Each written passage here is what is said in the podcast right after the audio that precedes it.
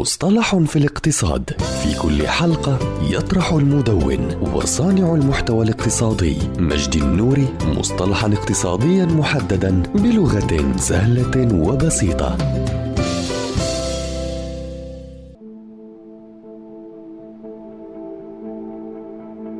المؤشرات المتأخرة. مصطلح يشير إلى المؤشرات الاقتصادية التي يرتبط ظهورها بحدوث تغييرات سواء في الوضع الاقتصادي أو المالي أو التجاري. ومن أمثلتها معدل البطالة. وسميت المؤشرات المتأخرة بهذا الاسم لأنها تقاس وتلاحظ بعد حصول التغيير. وبالتالي فإن مهمتها تكون تأكيد التغييرات التي تحصل في الاتجاهات. والفرق بين المؤشرات المؤشرات الرئيسية والمؤشرات المتأخرة يكمن وبصفة عامة أنه يمكن استخدام المؤشرات الرئيسية والمتأخرة بالتبادل وهذا يعود إلى الهدف المراد تحقيقه أو الأداء الذي يتم قياسه وتتمثل الاختلافات بين المؤشرات الرئيسية والمؤشرات المتأخرة بأن مهمة المؤشرات الرئيسية هي التنبؤ بالأحداث المستقبلية أما المؤشرات المتأخرة فتأتي لقياس حدث سابق وقد أحدث تاثيرا تقيسه المؤشرات المتأخرة.